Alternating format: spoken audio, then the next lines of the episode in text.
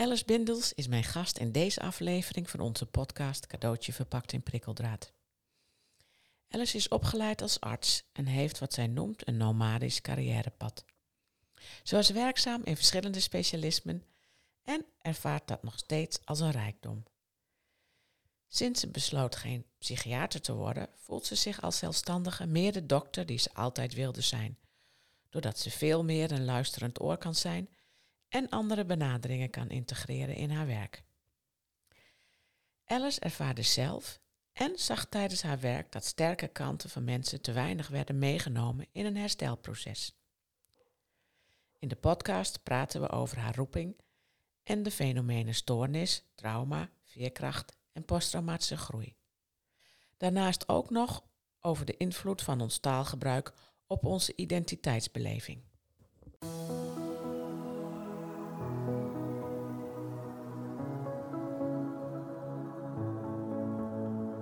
Dit is de podcast Cadeautje verpakt in prikkeldraad met Greet Vonk.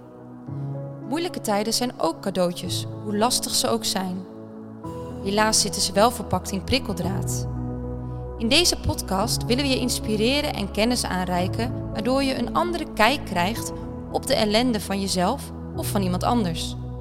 Met als uiteindelijk doel om een completere versie van jouzelf te worden en of om dat proces bij de ander te ondersteunen.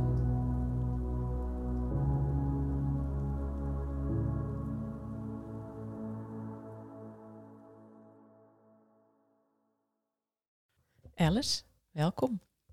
Dankjewel, Greet. We zitten op een plekje wat voor jou heel bijzonder voelt. Ja, ik heb vrijdag de sleutel gekregen van deze ruimte. En het is het mooiste plekje in Weesp, midden in het centrum. Met uitkijk op het oude postkantoor. En het is mijn eigen eerste nou ja, praktijkruimte. Ja, en, en voor de luisteraars, het is nu maandag. Dus dat is nog maar vier dagen. Ja, En moet je kijken wat voor mooie kleedjes er al liggen. ja, dat is dus ook wel een, een moment eigenlijk dan, hè? dat je iets echt voor jezelf hebt als praktijkruimte. Ja, het is dat iemand tegen mij zei, Alice, wanneer ga jij je tassen eens uitpakken? Een dierbare vriendin uit mijn intervisiegroep. En uh, ik loop altijd met tassen te sjouwen, ga van hot naar her, vind het ook leuk. Maar ik dacht wel, wat fijn om een eigen plek in te richten en dat ik hier mensen kan ontvangen. Zoals ik jou nu hier uh, kan ontvangen, ja, dat, dat is een rijkdom. Mooi. Nou, ik voel me wel vereerd. Zo uh, een van de eerste gebruikers van jouw praktijkruimte voor deze podcast. Helemaal goed.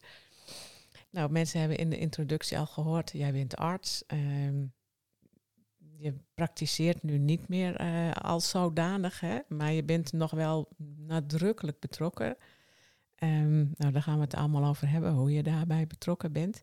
Maar misschien kun jij iets vertellen over, ja, eigenlijk komt heel veel dingen uit jouw leven komt nu bij elkaar, wat je nu doet in peer support en communicatie en nou ja, veel meer dingen waar je nu mee bezig bent. Kun je ons een klein beetje meenemen waar dat vandaan komt? Ja, dat, ik, ik denk dat als ik die vraag uh, zes keer opnieuw gesteld krijg, dat ik misschien elke keer weer een nieuw moment kan noemen of een ander moment eerder in mijn leven. Want als ik er nu over nadenk, komt spontaan in me op. Ik had, we hadden een vriendinnetje in de klas die gehandicapt was, lichamelijk, maar geestelijk heel pinter. Um, ze had een bepaalde neurologische aandoening. En ik denk dat ik toen al geïnteresseerd was van, goh, wat maakt nou dat zij kan functioneren bij ons in de klas en uiteindelijk niet meer en naar een andere klas moest. Um, en wat ik jou vertel, zij is relatief jong overleden, net als een ander jongetje van onze basisschool. En mijn vader was huisarts van beide kinderen. En, en echt nog zo'n huisarts waar de patiënten die liepen bij ons het tuinpad op. Hij was dag en nacht en praktijkhoudend en deed de spoed en bevallingen. En hij leidde nieuwe huisartsen op die ons bijles gaven. En als wij dus thuis zaten, dan, um, dan zat mijn, als we koffie gingen halen in de keuken of thee, dan zat mijn vader um, enthousiast met die huisarts in opleiding over allerlei dingen te hebben. En ook te reflecteren. En daar gebruikt hij dan de roos van Leary of weet ik wat er allemaal voorbij kwam. En dat vond ik ook al interessant. Maar tegelijkertijd viel mij op wat een ontzettend groot appel er op je wordt gedaan als arts. Um, maar goed, ik vond het altijd wel een boeiend vak en was ook blij dat ik dat kon gaan doen. En mijn oma had het graag gedaan, maar mocht toen in die tijd nog niet. Nee, Dus toen ging jij, ondanks al dat drukkigheid wat je zag bij jouw vader, ging je toch voor eh, de studie geneeskunde. Ja, ik kwam sowieso uit een heel druk gezin, dus dat was voor mij normaal. Ja, En ik vond het heel, ja, ik had niet, eh, ik had geen schijn natuurkunde in mijn pakket. Ik heb net als jij een een eigen tweelingzus en die scoorde altijd, nou die haalden allemaal makkelijk 9 en 10. En ik heb altijd gedacht dat ik eigenlijk heel dom was. Dus ik dacht ook schijn natuurkunde, dat kan ik vast niet. Dus dat heb ik pas na mijn VWO, eh, zo'n colloquium doctum gedaan. Ik ben pas de vierde keer ingelood voor geneeskunde. Maar, Zo. Ja. jeetje, Ja. wel een volhouder dus. Ja. En jij, jij zegt nu even net van, eh, ik ben net als jij een eindige tweeling. Voor de luisteraars, dat weet ik niet zeker of ik Nee, dat oh nee. ben, maar ik ben wel Eén. een- even een tweeling. ja, één van een En twee. we weten niet of het één of twee eigen is. Maar goed. Maar je kent enigszins de dynamiek van het vergeleken worden. Ja, ja, ja, zeker. Absoluut. hey, en ehm, nou ja, als arts, je hebt mij een klein beetje, ja, klein beetje verteld, maar eigenlijk ook wel heel veel. Dat, ja, je hebt heel veel meegemaakt als arts. Eh, ook heel veel Zoals veel artsen, denk ik. Zoals veel artsen. En ehm, op een gegeven moment, ehm, nou ja, veel crisismomenten meegemaakt. En kreeg jij te horen van, eh, nou je moet maar een beetje eelt op je ziel eh, kweken. Daar was jij niet van plan. Ik weet echt nog het moment waar we stonden. En ik had dus een paar maanden daarvoor in mijn eerste week als basisarts een kind moeten reanimeren. Ehm, zwaar gehandicapt, het was kansloos en ik kreeg geen eh, support. Eh, en, en ik vertelde aan die oudere arts toen bij mijn nieuwe werkplek hoe, hoe me dat had geraakt, dat ik dat kind niet had kunnen redden. En ik had vooral heel veel complimenten gekregen dat ik zo adequaat gehandeld had en snel. En, maar ik miste gewoon echt die aandacht. En toen gaf zij ook nog aan, nou jij moet meer ziel kweken. En toen heb ik echt gezegd van nou ik wil, ik wil mijn ziel graag een beetje soepel houden. Ehm, maar dat is wel vanaf, vanaf het begin al een zoektocht geweest. Hoe kun je je ziel soepel houden? Terwijl de impliciete, impliciete en soms ook expliciete boodschap als arts is van nou, ehm, je staat je mannetje wel of je vrouwtje. Eh, en je moet vooral niet te veel laten zien dat het je raakt. En inmiddels ben ik er echt van overtuigd dat juist als je kunt erkennen dat je ook geraakt wordt, dat, dat het je helpt in je professionaliteit. En ik weet ook zeker dat patiënten en familie van, ik heb ook bij de oncologie gewerkt, juist fijn vinden als ze zien dat je soms geraakt wordt. Als jij je werk nog maar wel professioneel kan doen. Ja, Maar het is niet pro- onprofessioneel om geraakt te worden. En soms is dat wel eh, de impliciete of expliciete boodschap. ja, precies. Dan hebben we het over eh, professionele distantie, hè? Ja, en ik denk dat nabijheid ook heel professioneel kan zijn. Maar natuurlijk moet je daar je weg in vinden en een goede balans. Ja, daar ben ik het roerend mee eens. Ik denk, ik denk ook heel vaak dat patiënten het juist heel erg op prijs stellen als jij zelf ook je kwetsbare kant laat zien. Ja, het gaat er natuurlijk heel erg om, om eh, kun je het inzetten ten behoeve. Dus, ah, ehm, eh, dus als je aan zelfdisclosure doet, hè, dus iets over jezelf vertelt, dus echt iets inbrengt, iets kwetsbaars van jezelf of openheid betracht, dan gaat het er denk ik vooral om dat je dat doet ten behoeve van het proces van, je, van, van de patiënt. Exact, precies. En niet dat je nog je eigen eh, shit moet verteren dan op dat moment. Nee, dus, dus het gaat er denk ik om dat Ja. je, je met je ervaringsdeskundigheid, dat je daarin zelf ja, een, een proces hebt doorgemaakt, waardoor je dingen wel verwerkt hebt. En het andere is, sommige dingen kun je natuurlijk niet, niet weten. Bijvoorbeeld toen ik bij de oncologie werkte en ik moest gaan vertellen dat iemand overleden was. Nou, dan heb je al iemand moeten schouwen. En vaak het moment dat de familie dan in de kamer kwam en ik de emoties van de familie zag, dan ging mijn ooglid trillen bijvoorbeeld. Of dan denk ik dat ik een blos kreeg op mijn wangen. In ieder geval was dan volgens, volgens mij wel zichtbaar dat, ik, dat het mij ook raakte. En daar, daar kun je niks aan doen. Maar ik heb nooit gemerkt dat mensen dat vervelend vonden. Of dat eerder nog, als ze er iets over zeiden, want dat, eh, dat, dat, het, ehm, dat het echt oké was. Ja, precies. En jij hebt ehm, ook veel ervaring op het gebied van eh, psychiatrie. En ehm, daar heb je ook veel geleerd over, ja, hoe moet ik nou kijken naar labels, stoornissen, eh, vanuit jouw professie, in ons vak, hè, waar, waar, vanuit posttraumatische groei hebben wij een Mhm.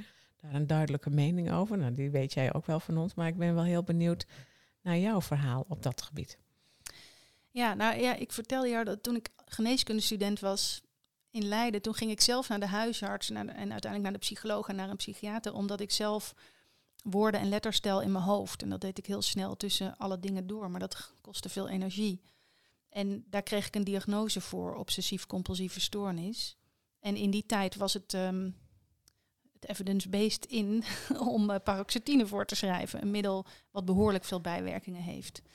En daar heb ik behoorlijk veel last van gehad. En ik ben toen geschrokken hoe er, ja, het, zeg maar het hele stoornisdenken, hoe er weinig plek was, leek in de psychiatrie, in de geneeskunde überhaupt, voor, voor eh, andere manieren dan met medicatie eh, aan je herstel werken. Of aan, aan kijken, uitzoeken wat werkt voor mij. En, en, en gaandeweg zag ik dat, dat er, nou, dat is een soort arrogantie soms in de geneeskunde, leek het met dat evidence-based, van ja, maar dit is nu echt het beste. En dat ik denk, maar vraag het de patiënt of de cliënt zelf eens. En, en dan wordt- werd er soms gebagatelliseerd. En wat mij helemaal stoorde was bij mijn kooschap psychiatrie. Op een afdeling voor schizofrenie, mensen die soms echt langdurig met spoed en soms gedwongen worden opgenomen.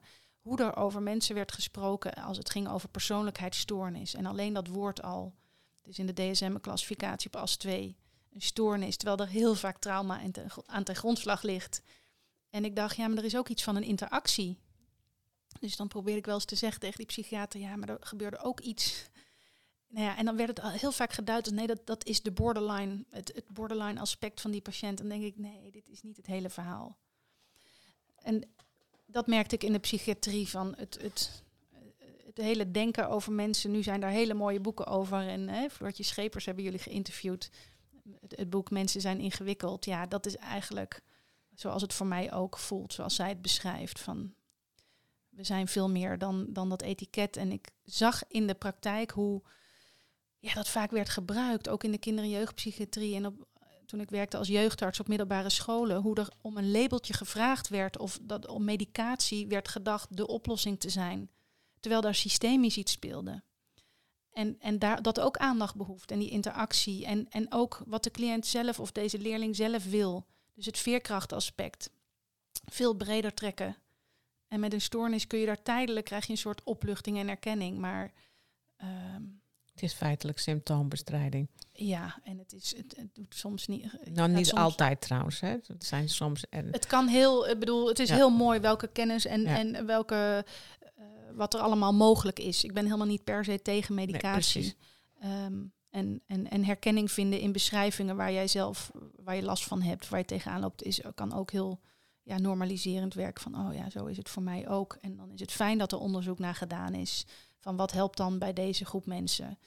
Dus dat is ook heel waardevol. Maar ja, er, wordt er worden dingen overgeslagen. Als je het hebt over veerkracht en posttraumatische groei, dat je dus ook, ja, dat er ook een kant is dat je je kan ontwikkelen door wat je meemaakt. Dat is ook belangrijk om eh, aandacht aan te besteden.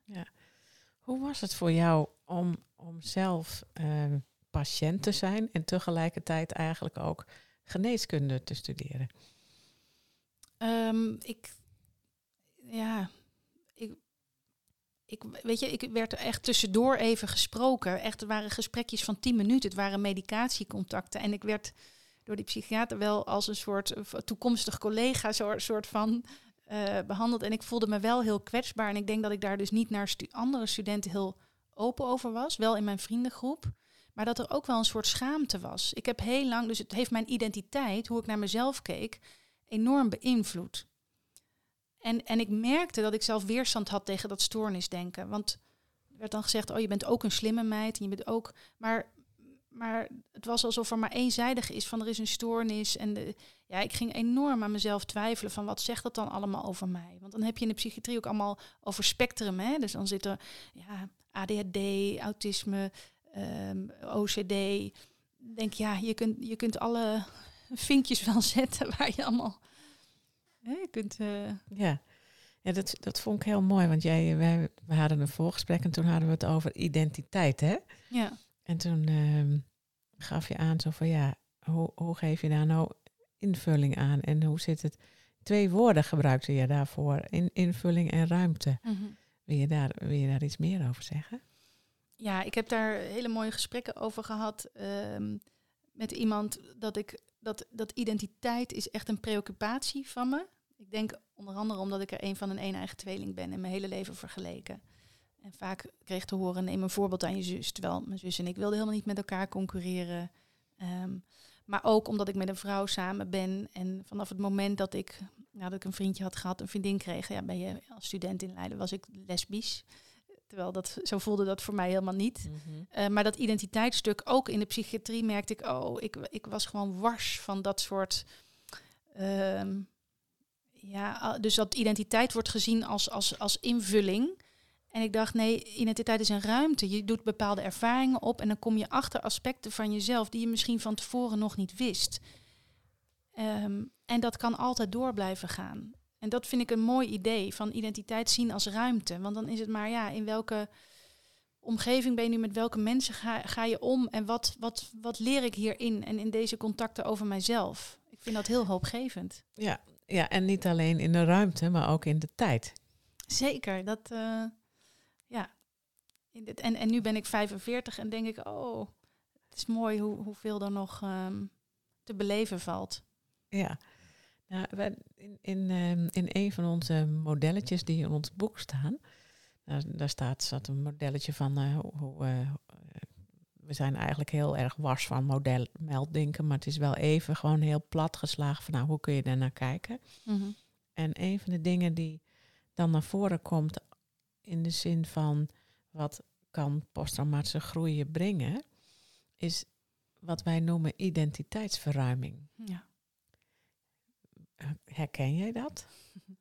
Ja, dat vind ik een hele mooie. Ehm, ehm, kijk, ik heb zelf in mijn, ik noem mijn medische carrière een beetje een nomadisch carrièrepad. Dus ik heb in meerdere specialisaties werkervaringen opgedaan. Dus in de oncologie, interne revalidatie, als arts voor verstandelijk gehandicapten, in de psychiatrie. En er zat voor mij wel een rode draad in. Hè? Dus ik wilde met mensen in aanraking komen die of neurologisch of psychiatrisch of allebei tegen bepaalde ja, beperkingen of symptomen aanliepen. Maar hoe ze dan hun leven nog zoveel mogelijk naar hun waarde konden leven. En dat gold natuurlijk ook voor mijzelf met die OCD, met die beperking van dat tellen in je hoofd, wat heel veel energie kost tussen de bedrijven door. Terwijl mijn brein ook heel creatief en associatief is en het ook mooie aspecten heeft. En ehm, ehm, ik ben uiteindelijk gaan zeggen van ja, ik heb een nomadisch carrièrepad. En ik ben me nu ook gaan richten als coach en trainer op een beetje de heroriënterende artsen met een rijkdom aan ervaring. Dus van nature weten die mij te vinden, omdat het is echt geen makkelijke weg geweest. Maar blijkbaar is het inspirerend dat ik daarin juist zo'n zo'n zoekend cv, zei een oudere arts een keer, heb. En ik zei, ja, dat zoeken hou ik er ook in. Want het heeft mij zoveel gebracht om op zoveel plekken te kijken en dus ervaringen op te doen en nu te doen wat ik doe. En wa- wat zegt dat voor jou precies over verruiming van jouw identiteit? Dat ik ehm, ehm, nu, je, je kan me coach noemen, je kan me trainer noemen, procesbegeleider. Ik ben nog steeds officieel arts onder de BIG. Ik doe nog bepaalde dingen onder mijn BIG. Maar het maakt niet uit. Het gaat om wat is mijn rode draad. En hè, de laatste opleiding die ik heb gedaan, die, die ik heel waardevol vond, omdat die zoveel dingen integreerde. En omdat daar mensen aan meededen met wie je echt samen de diepte in kon gaan. Dat was eh, bij de School voor Transitie, secure base eh, coachopleiding. Ik, ik merk, daar ging het over het formuleren van je roeping. En wat ik het mooie vond, als het dan gaat over het verruimen van je identiteit, is je roeping. Ik had eerst echt een soort blokkade voor. Ik begon helemaal te huilen op de dag dat, je, dat we onze roeping echt gingen formuleren. Van, oh god, nu moet het weer vastgelegd in woorden. En, maar ik heb gemerkt dat eh, wat het fijne is, is je roeping kun je leven in alle rollen in je leven. Dus of je nou arts bent, ik ben ook moeder van twee kinderen, ik ben partner van Marleen. Ik, ehm, dus wat is de rode draad in alles wat ik doe? En die heb ik voor mezelf helder gekregen. Door terug te kijken op mijn levenslijn en ehm, feedback te ontvangen van anderen.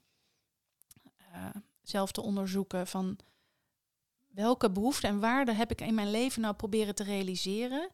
En wat maakte in mijn carrière dat ik gefrustreerd raakte, dat ik, dat ik eh, ja, een soort crisis ervaarde van is dit het nou wel? Wil ik, wil ik wel op deze manier dokter zijn? Dus die verruiming van identiteit maakt echt mogelijk om te denken, ik, ik, ik, dokter worden was zeg maar voor mij een strategie. Het was geen doel op zich. Dus sinds ik met non-violent communication bezig hou, denk ik, oh grappig, ja, dokter zijn is een strategie om in bepaalde behoeften en waarden te voorzien. namelijk, ik vind het super interessant om met gezondheid bezig te zijn, met groei, ontwikkeling. Ehm, nou ja, zo zijn er een hele hoop dingen die ik gaaf vind en die je kan doen als je arts bent. En het belangrijkste is daarin voor mij geweest het getuigen zijn van mensen op hele kwetsbare momenten in het leven en daar een zinnige bijdrage aan leveren. En ik denk dat dat voor mij de hoofdreden is waarom ik dacht, oh, als ik dokter kan worden, dan kan ik dat allemaal doen. En, en het is ook nog ergens heel concreet. Patiënten komen wel naar je toe, je moet gewoon handelen en doen en meedenken. Want ik had ook best filosofie of uh, sociologie of antropologie willen studeren, maar dat was veel vager, zeg maar. En als arts wist je gewoon, nou ja, er is werk genoeg. Het staat leuk op je cv. Er wordt, nog steeds is dat zo, merk ik.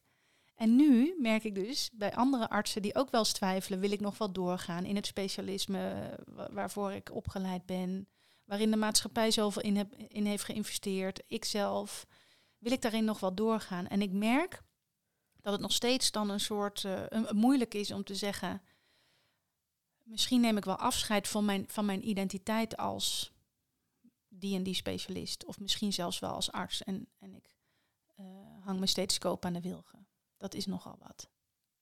Ja, dat is die, die identiteit is dan toch, ja, die laat je dan voor een deel ook los als je dat doet, hè? Een deel los. En, en toch merk ik nu, ik voel mij soms meer de arts die ik, die ik primair wilde zijn, de heler, zeg maar. Doordat ik veel meer een luisterend oor kan zijn voor mensen, bijvoorbeeld in het freelance werk wat ik nu doe. Met mental check-ups in de hoge impact beroepen. Dus met uh, mensen, eh, politiemensen, trauma-helikopterteam hebben kunnen begeleiden. Um, daar kan ik een en al luisterend oor zijn. En daar kan ik en coachend zijn en zo nodig adviserend als mensen dat willen. Of als het echt nodig is en mensen echt um, ehm, PTSS-symptomen bijvoorbeeld hebben, adviseren over behandeling. Dat kunnen we ook snel in gang zetten. Dus ik hou me nu bezig met de range van preventie tot aan eventueel behandeling. En die doe ik niet zelf, maar daar, daar kan ik in verwijzen. En dat voelt heel rijk. En daarmee gebruik ik al mijn kennis en ervaring die ik ook als arts heb opgedaan. Ja, dat is eigenlijk heel interessant, hè, dit van, van het thema identiteit. Want je, je, je identificeert je toch uh, vaak met, met je beroep. Wat, wat jij nu eigenlijk heel erg gedaan hebt, als ik dat zo mag samenvatten, is dat je je meer, veel meer bent gaan identificeren met de taken die je had. En um, ja, eigenlijk, nou ja, je noemt het zelf roeping dat je mensen kunt, echt kunt helpen. En welke titel daaraan hangt, maakt niet zoveel uit eigenlijk. Nee, en, ik, ik, ik, en het helpen is ook, um, heeft een ander perspectief gekregen of een andere hè, middelen. Dus, dus in, de, in de geneeskunde is nog heel vaak met medicatie of behandelingen. Dan heb je te maken met protocollen. En ik ben nu steeds meer vanuit, ja, wat met mooi woord heet, ik ben helemaal fan van de presentietheorie. Maar van wat, wat, wat kan hier ontstaan? Dus welke rijkdom is hier allemaal? En ik sta meer naast iemand dan dat ik iemand de weg wijs of, of een duwtje geef. Um, en, en ik denk dat dat veel, veel, veel helender is, zeg maar. Ja, wij noemen dat in postdogmatische groei ook, eh, zoals in onze opleidingen, zo van, nou, dat je ja, de regie zoveel mogelijk bij mensen laat. Hè? Want dit kan gewoon ook, al zit je diep in de ellende. Ja, ja. Dat is ook jouw ervaring. Ja. In hoeverre hebben, hebben de, uh, de crisismomenten in, in jouw leven, en die zijn er uh, best geweest, mm -hmm. bijgedragen aan wie jij nu kunt zijn en hoe je uh, tegen jezelf aankijkt en jouw beroep enzovoort? Nou, ik denk allereerst dat, dat um, doordat ik mezelf zo kwetsbaar heb gevoeld om patiënt te zijn, dan in, in, in mijn geval vanwege meer psychiatrische klachten, Um, dat ik echt weet hoe het voelt om kwetsbaar te zijn. En ook dat ik heb ervaren dat het als oordelend kan zijn als daar diagnoses aan te pas komen. En ook wat dat doet met mijn interne dialoog over mezelf of het idee hoe anderen naar je kijken. Um, daar ben ik me heel bewust van geworden. Um, het andere is door dichtbij mensen te verliezen aan ziekte of ook wel aan zelfmoord. Dat ik weet dat het aan de buitenkant soms er anders uit kan zien dan het kan, binnen kan voelen. Dus dat, dat je niet altijd weet wat er precies in iemand omgaat. En dat het, hè, en dat, het um, dat je echt existentiële crisis kan doormaken en daarin heel eenzaam kan zijn. En ik heb gelukkig zelf nooit zodanig existentieel, zeg maar, uh, zo wanhopig geweest. Maar ik, ik kan het me enigszins voorstellen dat je, dat je echt even niet meer weet hoe, hoe je, nou ja, ik zie het meer niet van het leven af wil, maar meer uh, van, van alle shit. Dat je even niet meer weet hoe, hoe je verder kan. Ja, het is gewoon een ultieme vluchtpoging eigenlijk, hè? Ja, zo, zo zei ik het toen. In, in mijn studententijd heeft een uh, vriendin zelfmoord gepleegd en zei... Ik, um, niemand wilde, bijna niemand wilde spreken op haar begrafenis, want in diezelfde tijd had een, een uh, ander meisje uit onze jaarclub uh, vlak daarvoor was aan kanker overleden. En er was echt een, een, verschil in rouwproces eigenlijk daarover en een boosheid naar degene die zelfmoord had gepleegd. En ik vond dat zo pijnlijk, want ik had met haar ja, wel vaker gesprekken en ik dacht, zij, zij wilde ontsnappen aan die paniek uit haar hoofd. Ze wilde helemaal niet van het leven weg. Maar mensen vonden dat een belediging, dat ze het leven liet gaan als het ware. En ik geloofde gewoon niet dat dat was wat ze wou, maar dat dat ja, de uitkomst was van haar wanhoopsgevoel. Ja, ik weet niet precies hoe ik het moet uit, of kan uitleggen, maar ik weet nog dat ik dacht, ik wil wel spreken op haar begrafenis, hoe moeilijk ik het ook vind om, ja, om ook wel om uiting te geven aan de vertwijfeling die ik in me voelde, omdat ik dacht, volgens mij voelen meer meer mensen dat. Ja. Um, maar je hebt gewoon niet altijd de antwoorden klaar. En, uh, je weet het niet altijd hoe het met iemand werkelijk gaat. Nee. Nee, maar, en, maar dat is, nou ja, wat jij net ook zei. Ik weet niet of dat je in deze podcast al zei of dat we het eerder hadden, maar ook schaamte, hè, de, wat er is. Uh, om dit soort dingen met mensen te delen, is gewoon best heel groot. Ja, en ik denk dus dat dat ook als je, als je het zo op identiteitsniveau, zoals, hè, zoals een persoonlijkheidsstoornis, ik vind dat woord alleen al echt vreselijk. Als je het zo gaat doen, dan ga je ook krijgen dat mensen naar elkaar gaan wijzen. En ik merkte dat dus ook met artsen onderling. Als je uitvalt, dan, dan zal jij wel ongeschikt zijn voor het vak of overgevoelig of hè, te weinig eelt op je ziel. Dat ik denk, als we zo met elkaar omgaan, stimuleer je niet dat je open bent over je kwetsbaarheid. En, en, en, weet je, dat was ook toen ik uh, in de opleiding was voor revalidatiearts. Toen kwam een oudere, nou, ik weet niet meer of het een professor was of in ieder geval een, iemand bij wie ik ko kooschappen had gelopen. En die was nu, werd mijn patiënt in het revalidatiecentrum. En diegene zei ook tegen mij, jeetje, ik heb nooit geweten hoe kwetsbaar ik me voel nu ik hier lig, dat dat ooit zou kunnen. En, en voor mij was dat ook iemand die ik op handen droeg van wow, en nu zo kwetsbaar zag. En ik dacht, ja, dat kan zomaar. En het andere is dat ik juist ook heb gezien de enorme power die mensen hebben om om te gaan met hun situatie. Dus dat is ook de andere kant. Uh, je, je, hebt soms als arts mensen die het een na het ander in hun voorgeschiedenis hebben. En dat je denkt, en hoe kun jij hier nog zo voor mij zitten? Hè, dus dat vind ik echt het fascinerende van arts zijn.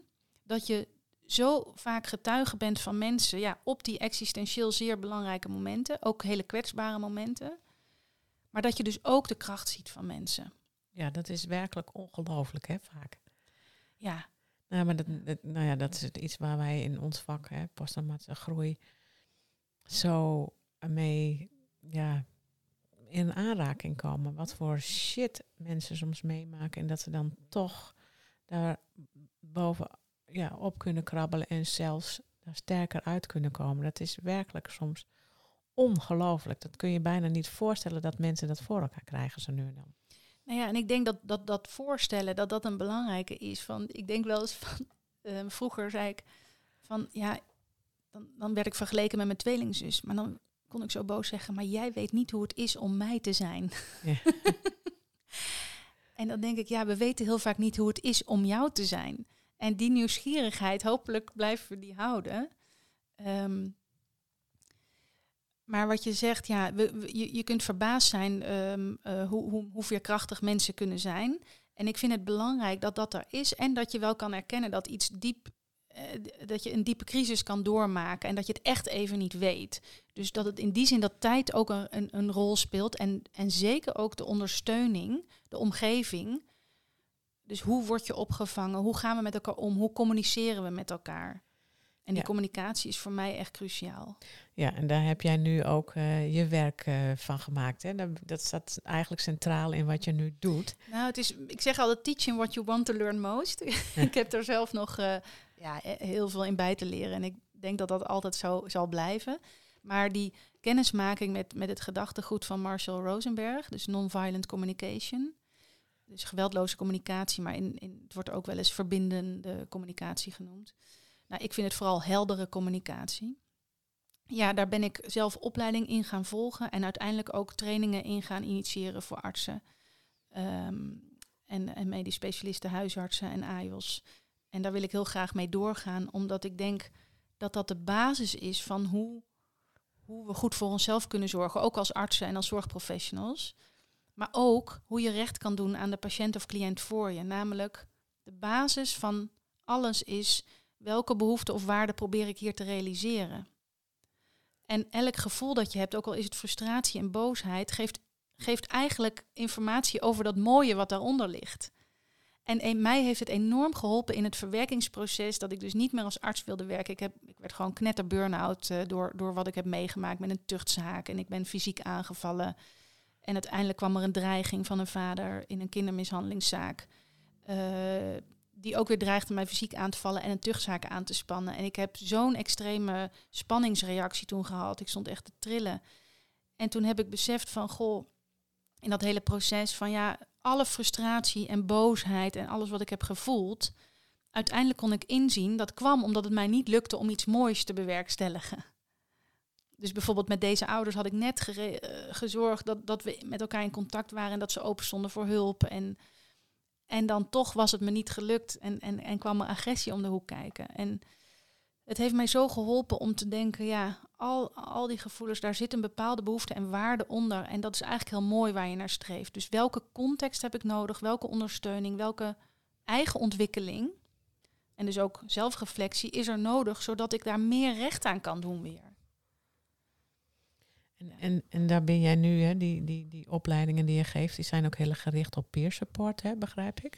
Nou, ik heb recent mijn eerste eigen peer support training uh, uh, aan medisch specialisten gegeven. En ik wil dat heel graag doen in samenwerking met anderen, want er zijn al heel veel mensen die hier en onderzoek naar hebben gedaan en trainingen ingeven al jarenlang. Uh, dus we zoeken ook wel steeds meer elkaar de, de samenwerking op. Maar peer support is een van de dingen, iets heel specifieks in de zorg. Um, dat is eigenlijk opvang van collega's uh, door een getrainde collega. Dus die leert hoe je uh, een luisterend oor kan bieden. Die leert wat normale reacties zijn op abnormale gebeurtenissen. En dat wordt dus door een, bijvoorbeeld een medisch specialist aan een andere medisch specialist of arts in het ziekenhuis gegeven. Um, na een impactvolle gebeurtenis. Dus dat kan ook zijn een complicatie van een patiënt. Um, nou ja, dat kan op allerlei impactvolle momenten. En het gaat erom dat het normaal wordt dat er emotionele ondersteuning ook voor de zorgprofessional zelf wordt geboden. En dat is iets heel specifiek spiersupport, maar ik zie dat in een breder kader van het veer, onze veerkracht bevorderen. Heb je dat nu opgezet, dat peer support? Of ben je daar zo bij betrokken omdat je dat zelf ook heel erg gemist hebt? Ja, zeker. Dus, dus in mijn eerste week als arts uh, in 2005, toen ik die reanimatie moest doen, toen was er geen assistentie van een oudere arts ambulance kwam pas heel laat. En ehm, daarna kwam een onderzoek en zo. Maar er was eigenlijk vrij weinig aandacht voor mij. Behalve dat ik goed adequaat had gehandeld en gedaan, wat ik kon. Uh, maar de impact op mij, daar was, kan ik me herinneren, geen aandacht voor. Um, en, en zelf besteed ik daar ook niet te veel aandacht door. Want je gaat ook weer door, er wordt genoeg van je gevraagd. En pas later, toen ik zelf, hè, ik vertelde aan jou, toen ik zelf kinderen kreeg, veel later, in 2014 en in 2017 nog een zoon. Toen merkte ik hoe bang ik was dat mijn kinderen zouden verdrinken in bad. En ik was inmiddels zelfs al advanced life support trainer geworden, jaren eerder. Uh, en ik was bang dat ik ze niet kon redden. Ja, ik, ik herbeleefde eigenlijk die machteloosheid van tijdens die reanimatie met dat meisje. En toen besefte ik pas hoe diep dat is gegaan. Gewoon die machteloosheid. En dat dit wel eens te maken kon hebben met toch een vorm van trauma. En voor mij heeft toen, hè, ik heb toen uiteindelijk EMDR-behandeling gehad en, en, en imaginaire exposure, zoals dat heet, heeft mij enorm veel ja, release gegeven van bepaalde spanning. Mm -hmm. uh, en daardoor bleek er ook voor mij meer ruimte juist om ook um, niet alleen maar te blijven hangen in, in, in, in, in die pijn van dat dingen niet gelukt waren, maar juist ook weer om mijn potentie te voelen.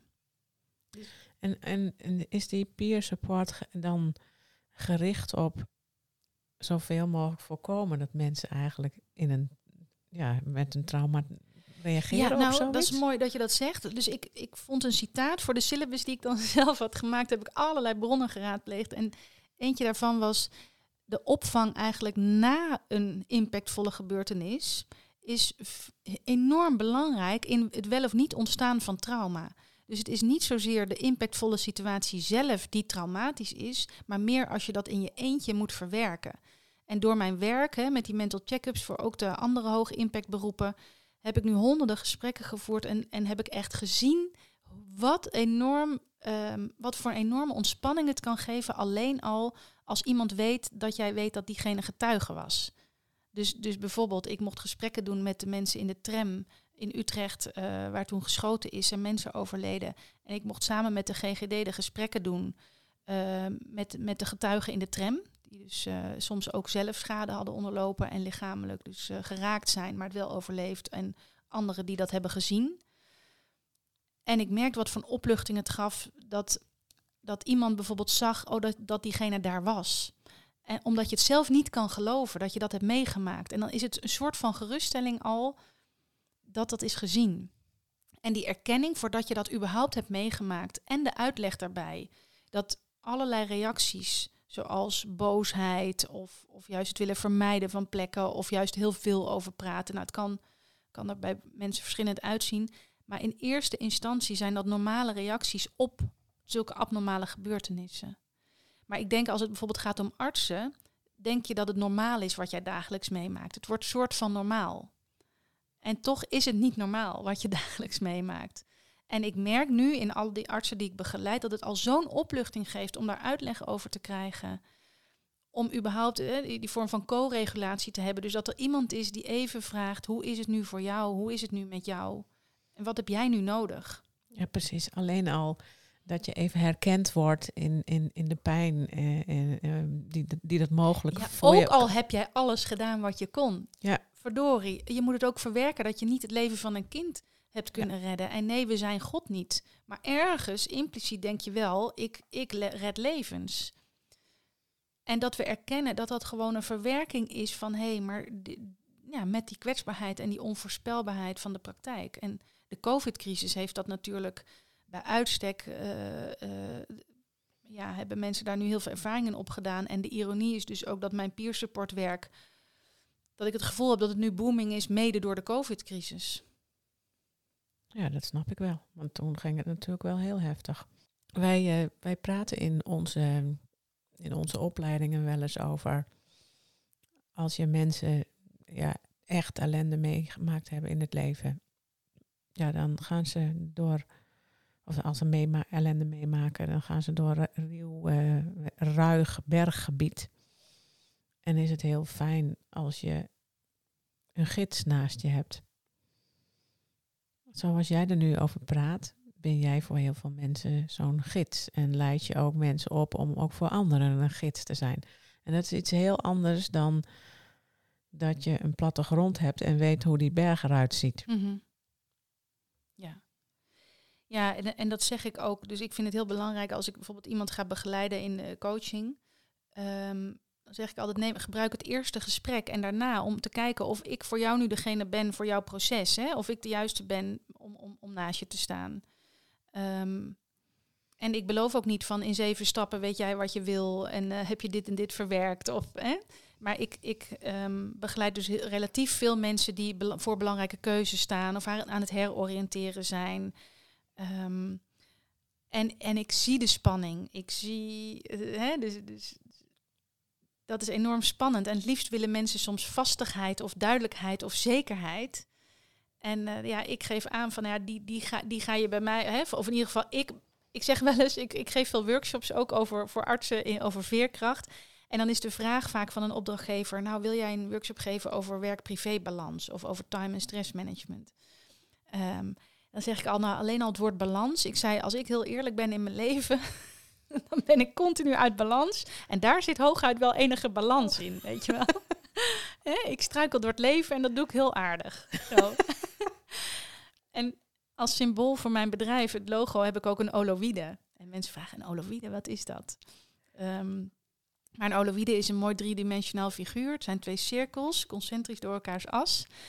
En, en voor mij staat het dus echt symbool inmiddels voor heel veel. Maar onder andere voor polariteiten, verenigd in een continuum, als symbool voor heelheid. En het mooie van een oloïde, als die van hout is, noemen ze het ook een waggelhoutje. Als je het dan op een iets een niveauverschil zet, dan gaat die rollen. Dus dan waggelen, zeg maar. Ja. Dat trekt ook een heel mooi spoor, weer een golfbeweging. Nou, dat heeft voor mij ook weer allerlei symboliek. Ehm, maar dat wordt voor nu te ver. en, ehm, maar die oloïde staat voor mij dus symbool voor heelheid. Waarbij dus alle polariteiten er zijn. En dat vind ik dus met posttraumatische groei, daar hoort ook crisis bij. Zonder crisis bouw je geen veerkracht op. En dat vind ik het mooie van de oloïde, die voor mij het symbool staat van, ja, net als de seizoenen, het hoort er allemaal bij. In de tijd kan het zich afwisselen als je maar in beweging blijft en er in die zin op kan vertrouwen dat hey, het is een soort onbalans. Maar daarin zit wel weer, of kan je weer een bepaalde balans vinden. Of kun je een bepaalde houvast vinden. Dat is dus niet voorspelbaar. Dat is niet een routekaart. Nee, het is voor niemand hetzelfde. Geen mens. Nee. Nee, en, en ik ben mijn bedrijf gaan noemen naar een workshop die ik ooit heb ontwikkeld vanuit bewustzijn in beweging. Dat is het functional fluency model waar ik heel graag mee werk. Uh, daar kun je gedragsanalyses mee doen, maar daar kun je ook systemisch ja, met vraagstukken mee werken. Van welke beweging maak je, waar word je door getriggerd? Nou, heel mooi model. Uh, en het is maar een middel, maar dat functional fluency werkt met de bewustzijnsmodus als centrale modus. En het mooie daarvan vind ik dat bewustzijn, hè, je ziet het in de mindfulness, in de acceptance commitment therapy, in nou, alles begint bij bewustzijn. Of, hè, maar ik ben ook gaan inzien door die opleiding bij de school voor transitie, van dat er ook soms eerst beweging juist nodig is. En daardoor kom je ook weer soms. Dus het is ook vanuit, vanuit beweging in bewustzijn. Ik dacht, ja, dit, dit, nu is het voor mij compleet, die hele oloïde. Dus je bewustzijn vergroten, zelfreflectie. Dat is wat ik doe in mijn coaching en training met mensen. Maar sommige dingen moet je niet verbaal of via het woord of via de ratio doen, maar via het lichaam. En dan is beweging weer belangrijk.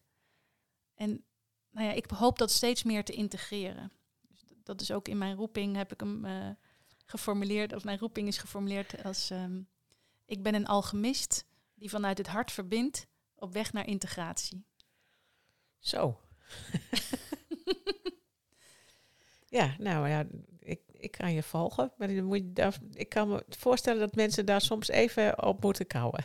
Ja, en ik dacht ook, weet je, hij kan ook buiten deze podcast blijven van Want, um, kijk, ik word er blij van, want een alchemist, um, die werkt met heel ruw materiaal en die wil uiteindelijk goud ontwikkelen. En soms zeggen ze, nou, het gaat om het levenselixer. Dat, uh, en dat is, dan, dan, dan zou je onsterfelijkheid bereiken. En ik, ik, ik streef niet naar onsterfelijkheid. Nee. het gaat mij om het omarmen van onze kwetsbaarheid en kracht. En dat dat er allebei kan zijn. Precies. En dat is ook de reden waarom je in deze podcast zit. Want, want daar gaat het natuurlijk heel erg over bij posttraumatische groei. In hoeverre werk je daar nu mee? Nou, de posttraumatische groei, dus wat ik je zei, is dat artikel wat ik ooit tegenkwam, waardoor ik daarmee, waardoor ik geïnteresseerd was geraakt in het idee van posttraumatische groei. Dat ik dacht, hè, hè, ja, ik geloof echt dat ik veel over mezelf heb geleerd door ook mijn crisisdingen, ervaringen van vroeger en, en in mijn carrière. Um, dus wat fijn dat het niet een eenzijdig beeld is van je hebt een litteken opgelopen en daar, daar zal je altijd, dat zal altijd blijven jeuken, zeg maar. Ja. Maar dat, dat ik daardoor ook echt mezelf anders heb leren kennen en ook wegen ben gaan bewandelen die ik anders nooit bewandeld had. En mensen heb ontmoet. Um, uh, waar ik echt dankbaar voor ben dat ik die heb ontmoet. En juist doordat ze mij ook op een kwetsbaar moment hebben tegen, zijn tegengekomen en ik hen, heb ik ook andere soorten contacten opgedaan. En dat vind ik echt een rijkdom. En dat lees ik natuurlijk terug hè, toen ik jullie boekje ook had, uh, nou de twee boeken uiteindelijk van posttraumatische groei, dacht ik, ja, dat, dat herken ik allemaal. Um, Hoe gebruik je het nu in je werk? Ja, en nu dus ik gebruik het soms wel als specifieke term. Zeker als ik het mensen hoor noemen en dat ik zeg, oh ja, en um, zegt die term jou wat? Want soms zegt het mensen al wat. Het wordt natuurlijk ook bekender door jullie werk. Door, en ik gebruik het in ieder geval om het perspectief te bieden. Dat dus voor het opbouwen van veerkracht, daar, is altijd, daar zijn stressoren voor nodig. Anders bouw je ook geen veerkracht op. Precies. En dat, uh, ik gebruik ook veel het, veerkrachtmodel van, de, van, waar Richter Intema een heel mooi proefschrift over heeft geschreven. Um, Dus eh, veerkracht als dynamisch proces, waarbij ehm, transformatie een van de uitkomsten is van een veerkrachtproces. Dus je kan bloeien, je kan, je kan herstellen. Dus het hangt af van of jij intolerant of tolerant bent voor een bepaalde stressor. En dat is dan telkens voor één stressor bekeken. En heel veel dingen bestaan natuurlijk uit meer stressoren tegelijk. Maar het interessante vind ik dat je kan laten zien dat als jij intolerant bent geweest, dat je kan herstellen. En dan is er heel veel voor nodig. En artsen helpen daar natuurlijk mensen veel bij en psychologen en om te kunnen herstellen. Maar het is zo mooi om te laten zien dat naast herstel er ook echt op andere vlakken in het leven ook groei en ontwikkeling kan plaatsvinden. Ja, dat is een hoopgevend perspectief. En ik denk dat hoop geven juist enorm belangrijk is in de zorg. En soms kun je dat niet op alle vlakken. Dan kan je in ieder geval naast iemand blijven staan en aanwezig blijven. Maar dat is niet waar wij in getraind worden om aanwezig te blijven op die momenten dat wij niet meer kunnen behandelen, bijvoorbeeld. Ja, precies. En dan, um, nou ja, dat merken wij wel, wel regelmatig. En dat mensen ook ja, dan klein gehouden worden. Of dat ze niet dat hoop. En als je op een bepaalde manier eh, beperkingen houdt, wil dat niet zeggen dat het leven ophoudt.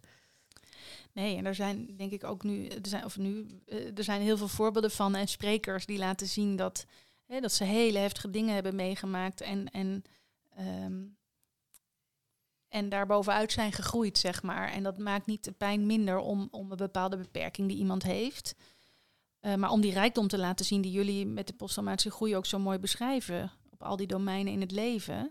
Dus contacten met mensen. Um, en het wat ik merk in mijn dagelijkse praktijk is vooral dat het mensen houvast kan geven of ook aangrijpingspunten van ja, maar hier, daar ben ik wel goed in. Ik weet wie voor mij belangrijk is. Ik heb er helemaal niet aan gedacht om diegene even te bellen. Ik noem maar wat. Ja. Maar dat je ziet dat, dat, dat er zoveel wegen zijn die jou kunnen ondersteunen in, in je groei en ontwikkeling of in het herstellen van, van, van ja, existentiële crisis. Ja, ja, zonder, zonder de pijn te... Hè, want dat denken mensen soms wel eens... dat posttraumatische groei een, een soort van happy de peppy de verhaal is. Nou, dat is het absoluut niet.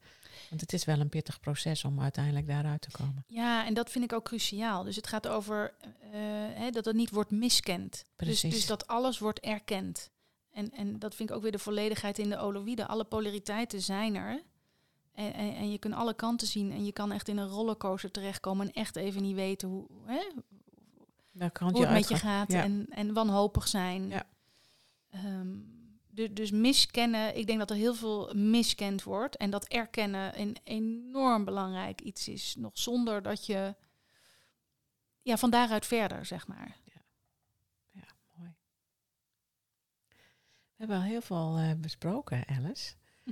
Zijn er nog dingen waarvan jij denkt, god, dat zou ik ook nog heel graag willen benoemen?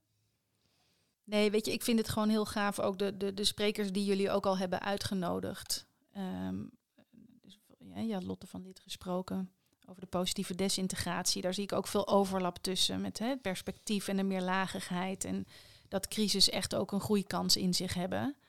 Um, dus het mooie vind ik hè, dat, dat, dat, dat jullie zoveel verschillende mensen interviewen en op zoveel manieren dat je verhalen van mensen, dus het narratief zeg maar, uh, dat jullie daar zoveel aandacht voor hebben. Want ik geloof wel dat, uh, dat het enorm kan uitmaken dat als je iets heftigs hebt meegemaakt wat niet meer is terug te draaien, dat wat Richter Intema noemt de narratieve reconstructie, maar dat is zo'n klinische term. Hè, maar we hadden het over die verrijking van de identiteit en van jouw verhaal.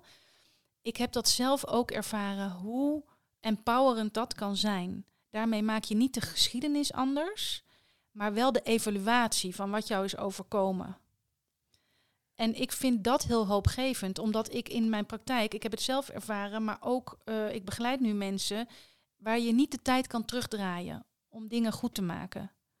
Maar je kan nu nog heel veel doen om toch ja, sterker zeg maar, in het leven te komen staan, met, zonder te miskennen dat je dus kwetsbaar bent. Ja, precies. Mooi. Hele mooie afsluiting. Super bedankt. Jij bedankt dat je hier op bezoek bent gekomen. Heel graag gedaan. Dankjewel voor het luisteren naar deze cadeautje verpakt in prikkeldraad podcast. We willen nog graag een paar belangrijke dingen met je delen. Als je enthousiast bent over deze podcast, dan zijn wij blij met een review. Daarmee help je ons bij onze missie. Je kunt de podcast natuurlijk ook doorsturen aan mensen van wie jij denkt dat ze er ook iets aan hebben. Wil jij voortaan alle nieuwe podcastafleveringen overzichtelijk op een rijtje? Abonneer je dan op deze podcast. Heb je vragen of ideeën voor deze podcast? Behoor het graag. Je kunt een mail sturen naar info@sterkerdoorellende.nl of Greet Vonk een bericht sturen op LinkedIn. Zoveel mensen kunnen profiteren van een andere kijk op ellende. Het is daarom onze missie om PTG bekender te laten worden dan PTSS. Wil jij meer weten over PTG of bijdragen aan onze missie? Je kunt op onze website www.sterkerdoorellende.nl onze boeken bekijken en eventueel kopen, de e-learning bekijken, een gratis inspiratiesessie volgen, de PTG-vragenlijst invullen, workshops en opleidingen boeken. We hopen dat deze podcast jou heeft geïnspireerd, zodat je in tijden van ellende in jouw leven of werk kiest voor het positieve en hoopvolle gedachtegoed van PTG. Voor jouzelf, je familielid, je vriend, vriendin, collega, klant, voor wie dan ook. Tot de volgende keer.